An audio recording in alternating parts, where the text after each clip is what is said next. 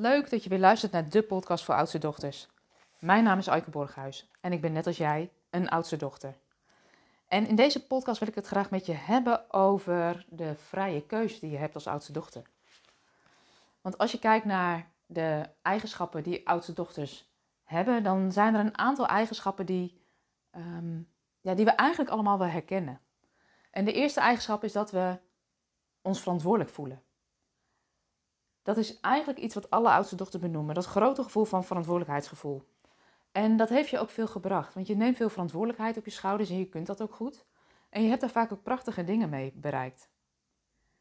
Maar wat je ook wel eens zou willen, is dat je het wel eens zou willen uitschakelen. Maar dat je eigenlijk niet goed weet hoe je dat zou kunnen doen. Want je voelt je nou eenmaal verantwoordelijk voor alles en iedereen. Het is voor oudste dochters soms ook best wel eens lastig om te voelen van... hé, hey, waar eh, begint mijn verantwoordelijkheid en waar houdt mijn verantwoordelijkheid? En de kans is groot dat je ook wel eens te hard werkt of te veel verantwoordelijkheid op je nek neemt die eigenlijk niet bij jou hoort.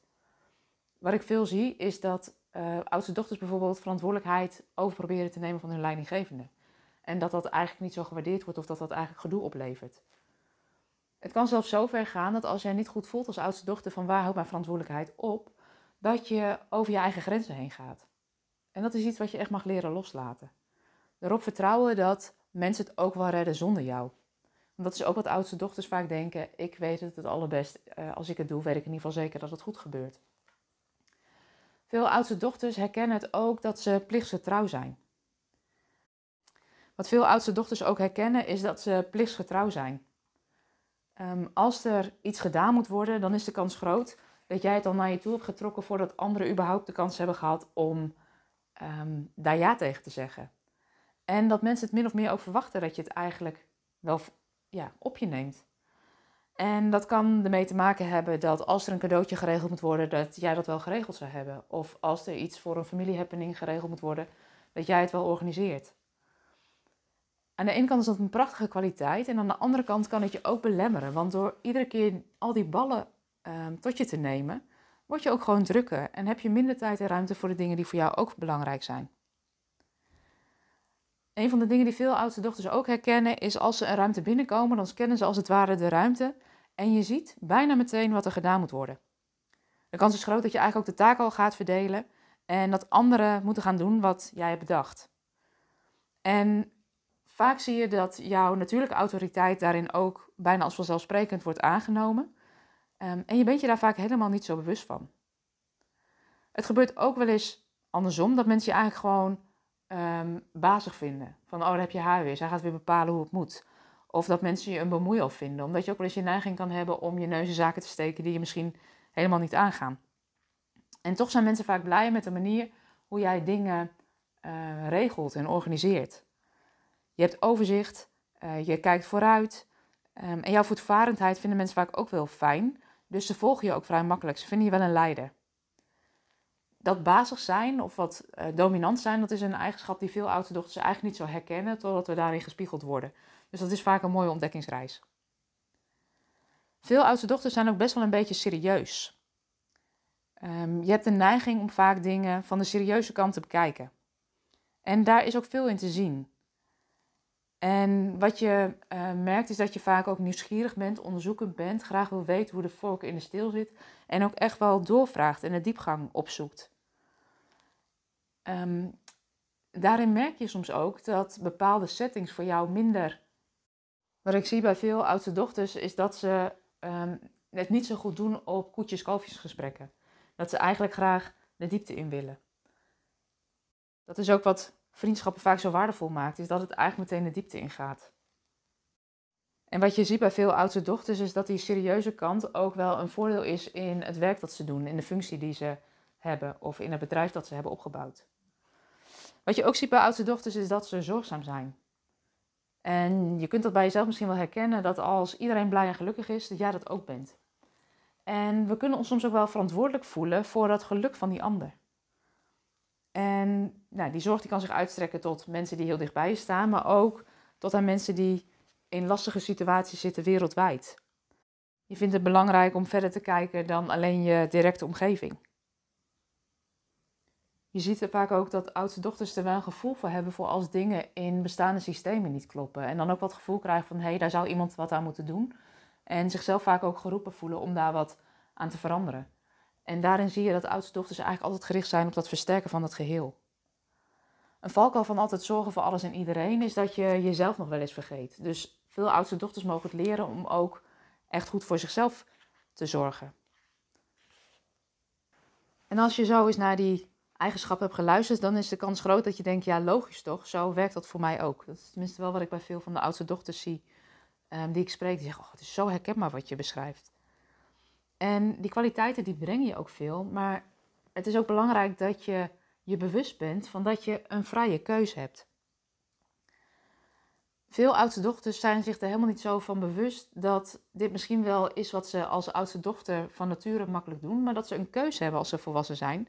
Van hé, hey, past dit nog bij mij? Wil ik dit nog wel? Die verantwoordelijkheid die veel oudste dochters voelen voor dat hele gezin, ook als ze volwassen zijn, is echt een typische oudste dochtertrek. En ja, dat, daar zijn ze zich vaak helemaal niet zo van bewust dat dat te maken heeft met die plek als oudste dochter. Zo doen ze dat nou eenmaal. Je kunt ook wel zeggen dat ze onbewust bekwaam zijn.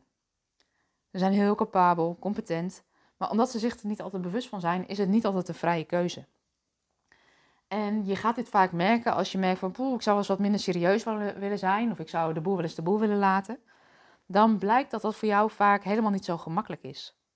Want iets wat je al die jaren al onbewust doet, dat verander je niet in één keer. Dat heeft tijd en aandacht nodig, bewustwording, stap voor stap daar andere dingen in gaan doen. Je zou jezelf bijvoorbeeld de vraag kunnen stellen van, is het wel zo logisch dat jij het familieuitstapje weer organiseert? En misschien is dat wel helemaal niet zo. Je zou dan ook kunnen zeggen van, hé, hey, weet je, dat, dat ga ik niet meer doen. Ik ga iemand anders vragen om uh, dat te doen. Wat daarin vaak wel belangrijk is voor oudste dochters, is dat ze mensen vertellen dat ze iets wel of niet gaan doen. Want als ook je omgeving eraan gewend is dat jij altijd alles wel regelt en je besluit van ja, ik doe dat niet meer, dan ga je zien dat mensen niet automatisch in dat gat springen, maar dat ze eigenlijk naar je blijven kijken van hé, hey, waarom doe je dat niet? Dus daarin is het voor oudste dochters vaak belangrijk om als ze iets niet gaan doen of als ze iets anders willen gaan doen of als ze willen dat iemand anders iets gaat organiseren, dat ze het vragen. Het kan in ieder geval een boel gedoe schelen, want het kan gebeuren dat jij denkt ja, ik doe het niet, laat iemand anders het maar oplossen.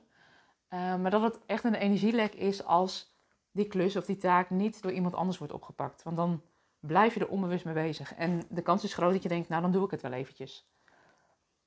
Je hoeft niet altijd alles te doen, maar maak het bespreekbaar en zorg dat iemand anders um, de taak of de klus of het familieweekendje regelen van je overneemt. Wat ik ook veel zie bij de oudste dochters met wie ik werk en die ik zelf ook herken, is dat we ook behoorlijk kunnen doordraven in onze ambitie om op veel terreinen tegelijk te willen uitblinken. We willen vaak en een carrière, en een goede partner zijn, en een leuke moeder, en een goede vriendin. En ja, wat je daarin wel eens ziet, is dat we niet altijd de goedkeuring halen uit onszelf, maar dat we de goedkeuring halen uit onze omgeving. En dat is lastig, want als jij je goedkeuring of hoe je je voelt over jezelf laat afhangen van je omgeving, dan, um, dan betekent dat eigenlijk dat je het gevoel van goed genoeg zijn in de handen van anderen legt. Dus het is voor oudste dochters belangrijk dat ze gaan ontdekken wie ben ik, wanneer vind ik dat ik het goed genoeg heb gedaan. Dus dat gevoel van eigenwaarde uit zichzelf gaan halen en niet uit de erkenning die ze vanuit hun omgeving krijgen. En wat er kan gebeuren is als je die erkenning niet direct uit je omgeving krijgt, is dat je het nog beter wil gaan doen. Dat je nog harder gaat werken. Dan komt je perfectionisme vaak om de hoek. En de lat die jij dan voor jezelf oplegt, die is vaak hoog. En, en als je dat perfectionisme herkent, dan zie je waarschijnlijk ook, zodra je weer een doel hebt bereikt, alweer een nieuw uh, doel wat bereikt moet worden. Oudste dochters ook niet zo goed in zijn, is om eens terug te kijken en te kijken naar wat ze allemaal al bereikt hebben. Ze zijn vaak gericht op doelen in de toekomst. Dus dat is ook een aandachtspunt voor oudste dochters om gewoon eens stil te staan bij, hé, hey, wat, wat heb ik eigenlijk allemaal gedaan? Wat heb ik allemaal bereikt? Wat gaat er eigenlijk allemaal goed? Het is dus eigenlijk ook de uitnodiging aan die oudste dochters om meer in het hier en nu te zijn. Je bent een human being, geen human doing. En ik denk dat dat voor oudste dochters ook een belangrijke is om mee te nemen. Ik ben heel benieuwd of je je herkent in wat ik zo eh, met je besproken heb in deze podcast. Um, ja, weet je, je hebt enorme kwaliteit als oudste dochters. Eh, maar soms mag je ook wel eens op de lat gaan zitten en genieten van wat er hier en nu is. En dat is wat ik je gun. Dus ik wens je vandaag een hele fijne dag. Uh, mocht je nou merken van, goh, ik zou wel wat hulp kunnen gebruiken, neem dan gerust contact met ons op of neem eens een kijkje op de website. Dat kun je doen op www.oudstedochter.com. En dan kun je ook zien hoe we je zouden kunnen helpen. En mocht je deze podcast nou interessant vinden, abonneer je dan. Dan krijg je een berichtje als er weer een nieuwe aflevering online staat. Voor nu wens ik je in ieder geval een hele fijne dag en uh, misschien tot snel.